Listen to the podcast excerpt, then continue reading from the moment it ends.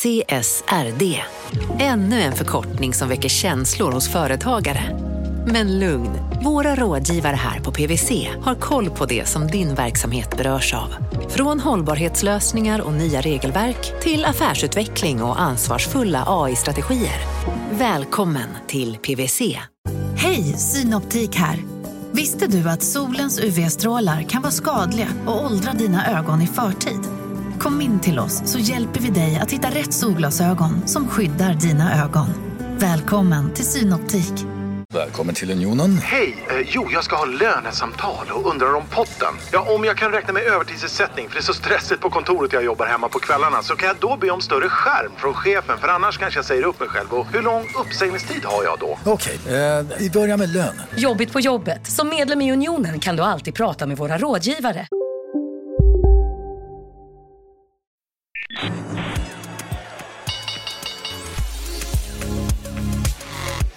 Här är Affärsvärlden med Helene Rådstein. Hej och hjärtligt välkomna till podden Affärsvärlden där vi varje torsdag fördjupar oss i affärsvärldens journalistik. Jag heter Helene Rådstein och är redaktionschef på Affärsvärlden. Och nu sitter jag med Axel Gård Humlesjö och du är producent och reporter på Uppdrag granskning. Välkommen hit. Tack så mycket. Ni har just inlett er fjärde granskning av storbanken Swedbank. Yes. Eh, och det kommer ut idag på onsdagen. Mm. Inför det så kontaktade jag dig och sa att jag gärna ville ha manus till hela programmet. Mm. Då sa du nej. Ja, det var ju tråkigt att behöva vara otrevlig eh, på det sättet men eh, det har varit en väldigt eh, speciell resa eh, sen vi började med Swedbank för eh, över ett år sedan. Och um, Det handlade ju framförallt om att vi hade sett och följt eh, katastrofen i Danske Bank och sett vilka enorma värden som står på spel och sett också en eh, typ av handel som ehm, var eh, problematiskt från ett journalistperspektiv. Alltså att, att den journalistik och den fantastiska rapportering som Berlinske ehm, tidningen i Danmark gjorde hade väldigt stor marknadspåverkan naturligtvis eftersom att det visade att banken hade ljugit. Och, och, Vi, vi, vi pratar om penningtvätt. Ja. Precis, skandalen i Danske Bank som briserade då eh, 17 egentligen men som fick sitt, eh, sin slutpunkt kan man säga hösten 18 eh, runt eh, Q3 där, där eh, en advokatbyrå la fram sin externa rapport om Danske Bank. Och varför jag sa det, det var för att vi satt då på vårt Swedbank-material eh, och hade ju fyra månader fram till publicering enligt plan. Vi satt och bearbetade mycket av våra uppgifter då. Det var ju väldigt mycket olika transaktioner som vi hade. Och eh, då fanns det ju en otrolig eh, nervositet i teamet att någon skulle hinna före naturligtvis med det här. Men också att vi inte fick berätta det för någon. För att vi visste att så fort det började nysas om att eh, vi skulle göra någonting om Swedbank så visste vi att det skulle börja pratas och det kunde bli eh, ett marknadsfall även för Swedbank. Så eh, det vi gjorde då var att vi tog ner kretsen som fick reda på att vi gjorde det här på Uppdrag granskning. Vi höll extra hårt på den interna säkerheten kring eh, var materialet låg, krypterat i standalone-datorer. Eh, när vi kommunicerade så kommunicerade endast krypterat. Vi hade kodnamn för att kunna ha eh, möten och så vidare även om vi var eventuellt eh, någon skulle höra. Och vi gick inte ut med någon information före 20 februari eh, 2019 innan vi Eh, sände. vi- Ja, precis. Samma dag det sände, eller? Ja, Precis. Ja. Och den regeln har vi följt då eh, ända tills eh, vi började få kontakt. Så att vi, eh, ni fick ingenting igår utan allt släpptes samtidigt och alla fick ta chansen att ta del av det samtidigt. Mm, för, du, för du skrev till mig, hoppas att du förstår. Ehm, och jag vet inte om jag svarar nej eller sådär. Men det är ju vår uppgift liksom, som journalister att vara lite stalkeraktiga. Sådär. Men det är just, apropå insiderinformation, liksom den problematiken och den kurspåverkande informationen som gör att den här typen av manus? För vi har fått ta del av andra manus tidigare. Mm. Men just vad det rör bankerna, att ni inte släpper på den innan. Ja, precis. Och det här är, får ju se hur det här påverkar framtiden. För nu har ju eh, då både Swedbank och eh, så som SEB gjorde här satt en slags praxis eh, som andra aktiebolag måste förhålla sig till. Det här med insiderinformation och när man måste berätta för marknaden att det finns någonting. Det där är ju tolkningar som deras jurister nu gör. Eh, men vi har ju haft en, en, en policy att vi delar med oss av program i förväg till andra redaktioner som vi litar på. Och då får ni ett embargo som det heter, Ja. att eh, inte gå ut med informationen före vi gör det. Ja, före klockan sex idag på morgonen, eller på onsdag. Ja. Precis. Eh, men eh, det har ju vi då eh, inte gjort i det här fallet. Utan I det här fallet har vi hållit på materialet helt själva. För att vi har bedömt att möjligheten, risken att det blir ett läckage är stor och att då aktörer skulle kunna utnyttja den här informationen för att handla och tjäna pengar. Men fattar ni detta med en gång? För att jag tänker bara... Jag kommer inte exakt ihåg kursfallet när det först, när första Swedbank-programmet kom. Men det var ju då 20 februari 2000. Precis, det var 60 miljarder tror jag första dagen. Fattade ni att det skulle vara så pass kurspåverkande? Ja, eh, på grund av två anledningar. Det ena var att Danske Bank hade fallit så hårt. Ja. Eh, och, att, Eh, och det andra hänger ihop med det. Det var ju att Swedbank hade gått ut så hårt och försökt distansera sig från Danske Bank och därigenom höjt sin egen kurs. Så att vi såg att den här lögnen, eh, historien i sig, att man var involverad i penningtvätt var hård och skulle påverka kursen. Men lögnen var ännu värre. I samband med det så var det också just eh, Sveriges Radio som intervjuade Birgitte Bonnesen, vd för Swedbank som sa att eh, det här angår inte, det här angår inte oss eller det här är något som inte alls liksom närmar sig oss. Det var ju ganska publikt. Det var inte så ett pressmeddelande utan hon var verkligen Nej, ute det var ju alla detta. kanaler Ja. eh, som hon kunde tänka Mm. sig. Och Det är därför hon har så stora problem nu när de är under polisutredning. Och vi var ju chockade när hon sa det här. För vi tänkte, hur fan kan hon gå ut så hårt när de har det här i banken? Birgitte Bonnesen är inte här och försvarar sig själv. Vi vet inte vad hon skulle ha sagt i det här läget. Men ni var chockade över det. För hade ni varit i kontakt med henne då? Nej, absolut inte. Men vi såg ju vad vi hade för material. Och Kunde hon ha vetat? Kunde hon ha känt till det materialet? Ja, det är inte en fråga, det är ett faktum. Eh, vi har ju avslöjat efteråt att de interna rapporterna explicit slog fast att Swedbank var djupt indragna i Danske Bank-skandalen och att de gick till CEO. Och de höll sin väldigt snäv krets. Och det är därför banken utreds för grovt svindleri. För att man jämför vad, de, vad hon sa och andra företrädare för banken till marknaden och vad de hade för information. Vi kan lyssna på vad Birgitte Bonnesen sa i samband med Danske Banks penningtvättshärva kom ut. Man måste bestämma sig för vad är det för verksamhet vi bedriver. Vi bedriver en lokal verksamhet för vanliga människor och företag. Den som gick ut hårdast var Swedbanks vd som också framträdde i de stora internationella affärskanalerna. The important thing in this money laundering case that we see one of our competitors have in Estonia is the fact that Swedbank is completely different. We run a retail bank in four countries. We focus on domestic corporates, domestic private individuals, and that is a completely different setup. Every time we see anything, we act, and we act forcefully. And that, that we've done for years. And that's a big difference. De svenska bankerna är annorlunda. Det förklarade också chefen för Finansinspektionen, den myndighet som granskar bankernas arbete mot penningtvätt.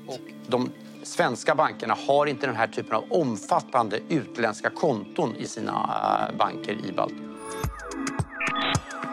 Du lyssnar på Affärsvärlden med Helene Rådstein. Marknaden sponsras av SPP, pensionsbolaget. Eh, Förra gången pratade vi lite om ITP. Och som en kort repetition så, så var det ju 70-tal, arbetsmarknadens parter bestämde att alla tjänstemän ska ha en tjänstepension. Man kom överens om vilka villkor som ska gälla i den här pensionen och så kallade man den för ITP. Så jobbar man idag som tjänsteman i ett företag med kollektivavtal, då har man förmodligen den här pensionen, ITP-pensionen. Eh, och det är ju så att man kan påverka eh, den här pensionen, hur den är placerad. Vart femte år så gör nämligen Collectum, som de heter, en enorm upphandling där olika pensionsbolag kan ansöka om att få förvalta eh, de här pensionerna. Och SPP är ett av bolagen som valdes ut i den senaste upphandlingen. Och sen kan du som pensionssparare välja eh, vilket av de här olika pensionsbolagen som, som då ska få ta hand om dina pengar. Och tanken med den här upphandlingen är ju att liksom kvalitetssäkra de här olika alternativen eh, men också att förhandla fram stora rabatter så att pensionsspararna ska få ja, kunna spara pengar genom att avgifterna eh, som är så viktiga eh, blir eh, lägre. Och vill man välja någonting i ITP-systemet då finns det en relativt ny sajt som heter avtalat.se. Ehm, där kan man gå in och se hur sin ITP-pension är placerad. Jag gjorde det häromdagen faktiskt. Ehm, idén är att hälften av pengarna alltid ligger i något som kallas för traditionell försäkring. Det här gjorde vi ett avsnitt om i podden Kapitalet nyligen eh, som vi kallade världens bästa sparform. kan man lyssna på om man är intresserad. Eh, den andra halvan eh, den kan man också lägga i en traditionell försäkring eller så kan man placera det i något som kallas för fondförsäkring. Eh, SPP som sagt eh, var ju ett av de fåtal bolagen som valdes ut i den senaste upphandlingen och de finns med som alternativ både med en traditionell försäkring och med eh, fonder. Så det var en liten bakgrund till ITP-systemet. Vill man läsa mer om det här eller typ kolla hur ITP-pensionen är placerad, eh, kanske göra förändringar, då går man in på avtalat.se men tack säger jag till SPP som vill göra oss människor mer medvetna om hur enormt viktig pensionen är för oss som en framtida lön, men också som en positiv kraft i samhället eh, och förstås för att ni möjliggör eh, den här podden Marknaden. Det jobbar ju tusentals anställda på SVT mm. och folk är vänner med varandra mm. och på alla sätt. Hur har ni liksom säkerställt att det inte finns någon på SVT bland alla tusentals anställda som sitter här och tradar lite med de här bankaktierna. Det vi har gjort då är att ta extra mycket hänsyn till ämnets känslighet och att snäva ner kretsen som har fått reda på att vi jobbar med det här. Eh, inga på redaktionen utöver teamet. Eh, och teamet, hur många är det? Det var ju då jag, eh, Linda Kakoli, Per Agerman, Joakim Dyvemark, det här är alla journalister? Precis. Ja. Sen är redaktörerna eh, då Nils Hansson och ansvarig utgivare Ulf Johansson. Eh, fotografer som eh, jobbade med oss. Eh, klippare? Eh, klippare. Eh, så att jag skulle säga att det var i slutet kanske 15. I början 6, 5. Mm. Mm. Så att och då fick man ju ha just i alla planeringsdokument och allting sånt fick man ha kodord.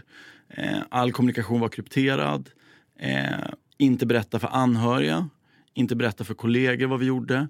Eh, inte alltid berätta för dem vi intervjuade vad vi gjorde, vilket också var svårt. Alltså vi fick, eh, vi fick eh, lägga upp hypotetiska scenarier som de kunde få svara på för att vi inte kunde berätta vad det var vi gjorde. Alltså typ ungefär tre frågor. Den enda frågan ni ville veta var så här, fråga två. Men så eh, lade ni till två andra frågor? Nej, eller? mer i stil med vi granskar ett finansiellt institut eh, någonstans i världen som har eh, sagt att de inte har några non-resident-kunder. Och eh, när du tittar på det här materialet, hur ser du på det? Stämmer det, det de har sagt i marknaden? Eh, inte riktigt så, men ungefär så. Men eh, om man tittar på liksom eh, det juridiska kring det här. Har ni haft jurister som har arbetat med hur man hanterar insiderinformation? Eller hur, har ni kommit på hur ni ska göra själva? Ja, vi har absolut eh, haft jurister som har rådgivit oss i den här situationen. Och vi har varit väldigt tydliga med... Jag menar, det var självklart att vi inte berättade för andra och att vi snävade kretsen. Och det handlade både om eh, marknadspåverkan men också om, om, att vi verkligen visste att det här var känsligt och inte ville att det skulle komma ut eller snackas om på något sätt. Eh, men den stora grejen tycker jag var, det var ju liksom att när vi väl började berätta, på redaktionen exempelvis, några dagar innan sändning. När vi hade varit hos Swedbank eh, och folk hade sett att vi var där och intervjuat. Då fick vi säga till redaktionen att ingen här, om ni har några innehav, får agera på den informationen. Hur har ni säkerställt att de inte har gjort det då? Det tror jag är ganska svårt att säkerställa. Precis som för eh, andra aktörer på marknaden. Hur säkerställer man inte att folk ska handla på insiderinformation genom ombud, genom målvakter, genom proxies och så vidare? Jag vet inte exakt vad eh, min chef skulle säga, ansvarig utgivare, om de har bi, liksom haft ytterligare kontroller. Men från oss har det varit att alla måste respektera det här. Ingen får agera och finns det några frågor om jäv eller intressekonflikt eller någonting så måste det gå rakt upp till chefen. För jäv kan ju också handla om när det är så många anställda. Som, jag hör att du säger att ni, vi har snävat kretsen men det kan ju också vara att man känner någon anställd på Swedbank. Verkligen. Exempel, eller, eh, och det är därför som vi har varit till exempel inte ens berättat för anhöriga för vi vet ju inte exakt vilka som känner vilka och vilka som har innehav. Alltså det, jag menar, när Swedbank briserades så var det människor som hörde av sig till mig, nära vänner som sa liksom, ska jag vara orolig nu? Jag har ju aktier i det här.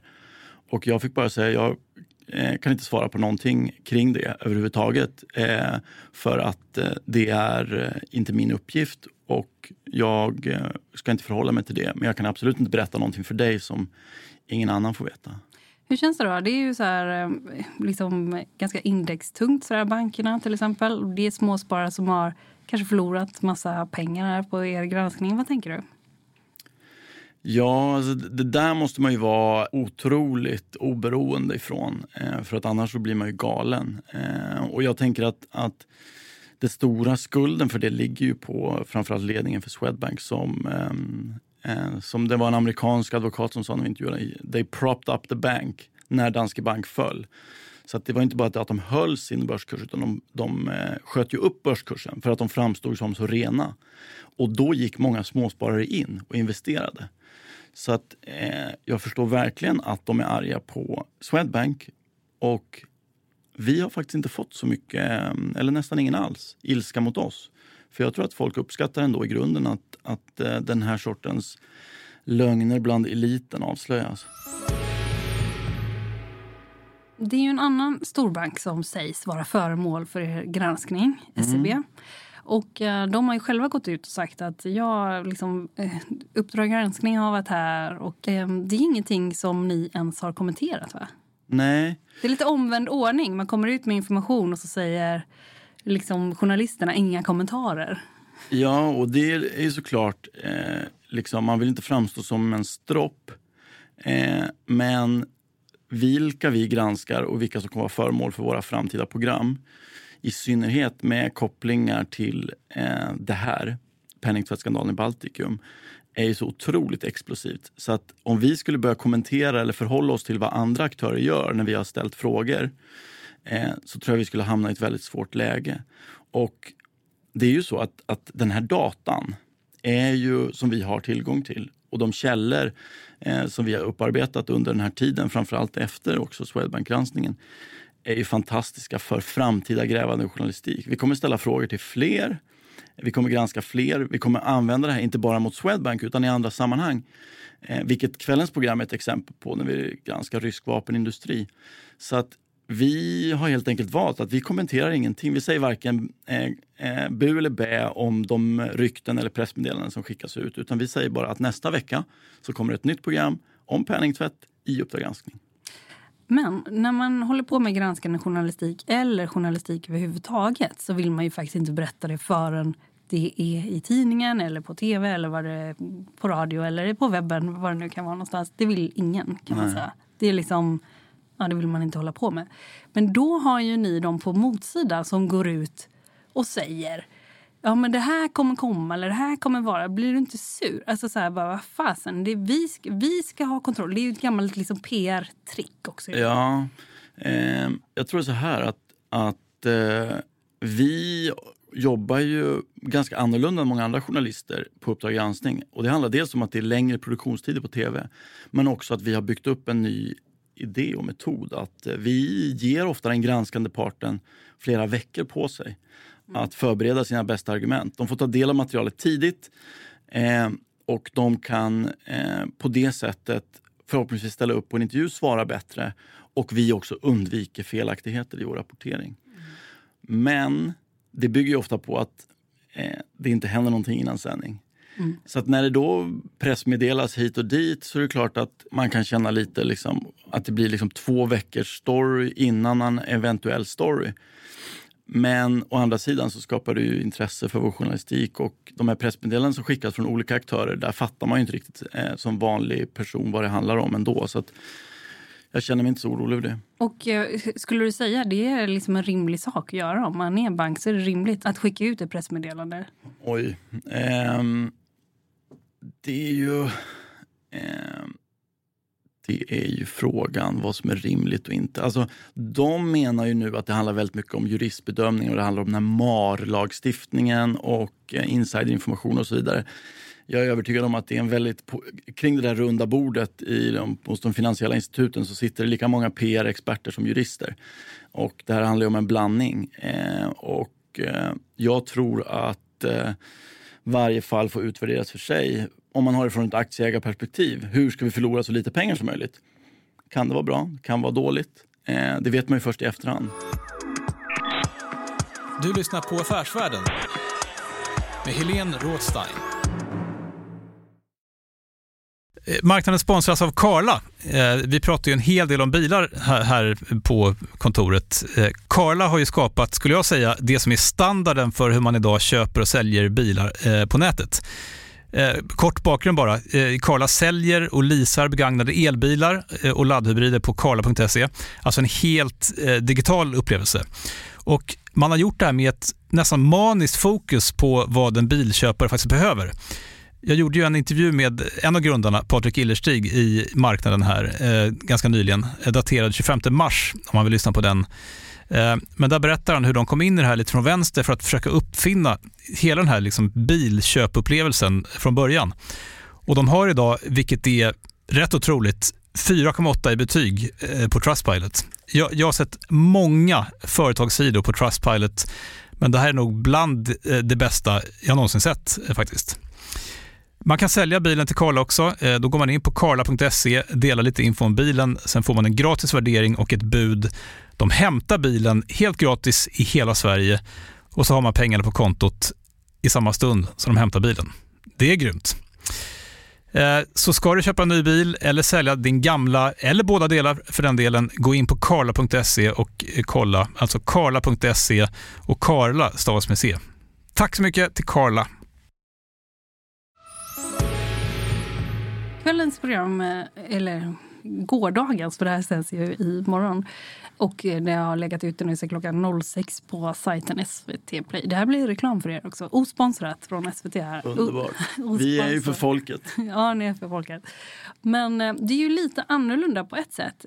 För det rör ju en hel del också kring de här sanktionerna. Amerikanska sanktionerna som var riktade mot Ryssland på grund av annekteringen av, utav Krimhalvön. Mm. Och det kan man säga, en liksom vad ni eh, har tagit fram är väl en transaktion helt enkelt till en eh, vapentillverkande fabrik i Florida som har gått från Swedbank via är det Bank of America. Precis, det är, en, det, är en, ehm, det är komplicerad historia och det är det som är det roliga med de här ämnena och det är det också som är syftet med den här sortens upplägg. Det vet alla som håller på med penningtvätt eller skumraskaffärer att man försöker dölja det här bakom olika lager för att kringgå olika bestämmelser. Det är bara det att när det gäller sanktionsbrott så kommer eh, de amerikanska myndigheterna in med mycket mer muskler än om det bara gäller penningtvätt. Penningtvättsutredningarna kring Swedbank och vad de har gjort i Baltikum, det är liksom, eh, sitter New York finansmyndighet eller sådär. De har inte så stora investigative muscles eh, som man säger. Alltså de eh, begär in information från banken och hoppas att banken ska redogöra för sanningen och sen ger de böter så småningom. Men när det gäller sanktionsbrott, då är ju eh, då mm, federala myndigheterna, FBI, eh, Finansmyndigheten, eh, Vita huset, och... Vita huset inne. Och det man gör då, för att, och det vi har avslöjat är helt enkelt att man har sanktionerat det enormt kända bolaget Kalashnikov Group, Russia, som då levererar vapen till världen och till ryska vapenindustrin.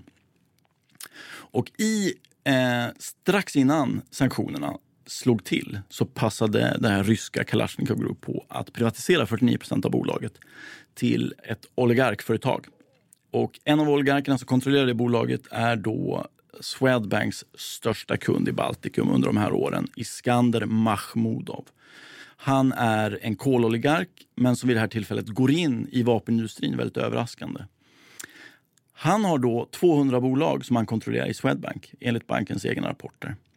Och ett av bolagen använder han för att skicka pengar till en ryss som bor i Florida som står bakom ett bolag som heter Kalashnikov USA som är uppsatt i USA efter sanktionerna för att Kalashnikov ska fortsätta kunna bedriva affärer på världens största vapenmarknad utan att straffas av sanktioner. Men villkoret är att Kalashnikov Ryssland får inte ha någon kontakt med det bolaget, får inte tjäna pengar, får inte göra affärer med det bolaget. Men det vi avslöjar då att genom Swedbank så har pengar gått från den här ryska oligarkens bolagsnätverk rakt in i bolagsnätverket till ägarna i Kalashnikov i USA. Så Swedbank skickar pengar till Bank of America och när vi berättade det här för amerikanska myndighetskällor så blev de faktiskt chockade att det inte hade gått över fler lager, att det inte hade döljts mer. Och därför startade de här utredningen som nu pågår. Mm. Och det här då, för, för, om jag förstår det rätt också så menar eh, ni att ni är också de enda som liksom har kunnat bevisa det här brottet mot, de, mot sanktionerna som har varit. Alltså det är också liksom en sidostory som handlar om sanktioner, inte bara penningtvätt men som handlar om, det kan ju vara ännu fler transaktioner. Till, ja precis, alltså till... vi, eh, sanktionsbrott om det är det eller inte, det kommer ju slås fast i en utredning eh, så småningom. Men det, det, som har hänt är att, att den här fabriken har varit föremål för amerikanska utredningar under ett års tid. Mm. Eh, och det har kommit in väldigt mycket konstiga pengar till de här ryssarna i Florida eh, som eh, inte har med Swedbank att göra. Mm. Eh, och det är de pengarna som är under utredning. Var kommer de ifrån? Vilka bolag? Och där har de amerikanska myndigheterna inte lyckats bevisa pengarnas ursprung. Så att vi är de första som lyckas bevisa att en av de här transaktionerna går från de ryska delägarna. Eh, och det är en, en, stor grej även i USA. Ja, så det får man ju se liksom vad, det, vad den... För där har man ju kommit en liten bit på väg. Men det finns andra transaktioner som inte helt är hundraprocentigt bevisade då. Precis. Vad tror du, kan man säga någonting där? Vad man ska kolla? Nej men alltså grejen är så här, det, hela den här världen, de den här transaktionen skedde 2015, 16, 17. Hela den här världen är ju i total omvälvning nu. Innan Mossack Fonseca, innan Panama Papers, mm. eh, så levde ju de här oligarkerna och de här eh, penningtvättarna i paradiset. De kunde ju bedriva sina affärer utan större risker. Och sen har allting förändrats. Så att nu håller man ju på att försöka se och gräva i de här historiska databaserna. Vi gör det, myndigheterna gör det, oligarkerna själva gör det för att dölja sina spår. Eh, och se vad kan vi upptäcka i efterhand som har gått igenom här? Och varför varnade inte exempelvis banken om det här när det hände? Så det pågår också, som, liksom, när man sopar igen sina spår så pågår också, liksom, ni kommer också att se att här har man stängt, här har man stängt. Här var det tidigare en öppen väg ungefär, alltså eh, datamässigt eller vad det nu kan vara. Men nu har man sopat igen. Ja, vi har ju sett till exempel i Panama Papers så fin, fin, är det ju två läckor. Den ena läckan var ju innan eh, det briserade. Sen kom det ju en ny läcka med ny, nytt material om där vi ser hur kunder i panik försöker omdirigera sina pengar till Förenade Arabemiraten och sådär. Mm för att de måste stänga ner sitt vanliga flöde. Mm. Så att eh, det är otroligt spännande att följa det här för att i vanliga fall så brukar ju de brottsliga aktörerna ligga väldigt långt före. Och nu är vi nästan i kapp. Nu kan vi nästan se eh, i realtid vad de har gjort och hur de har agerat och hur de här affärerna har bedrivits. Jag säger tack så mycket för att du var här. Axel Gård Humlesjö, tv-producent, producent på Uppdrag granskning och reporter på Uppdrag granskning där ni har granskat de svenska storbankerna. Tre! Nordea har vi granskat. Ja, Nordea har ni granskat. Swedbank har vi granskat. Ja. Och vi kommer fortsätta granska fler. Eh, vilka det är kommer bland annat avslöjas om en vecka. Tack för att du kom hit. Tack. Du har lyssnat på en podd från Affärsvärlden. Jag heter Helene Rådstein och är redaktionschef på Affärsvärlden. Mer fördjupande journalistik om näringslivet finns både på nätet och i Sveriges äldsta och faktiskt bästa affärsmagasin. Du hittar oss enklast på affärsvärlden.se och podden den är tillbaka om en vecka. Stay tuned, eller som man säger på svenska kanske. Håll ut, hej då!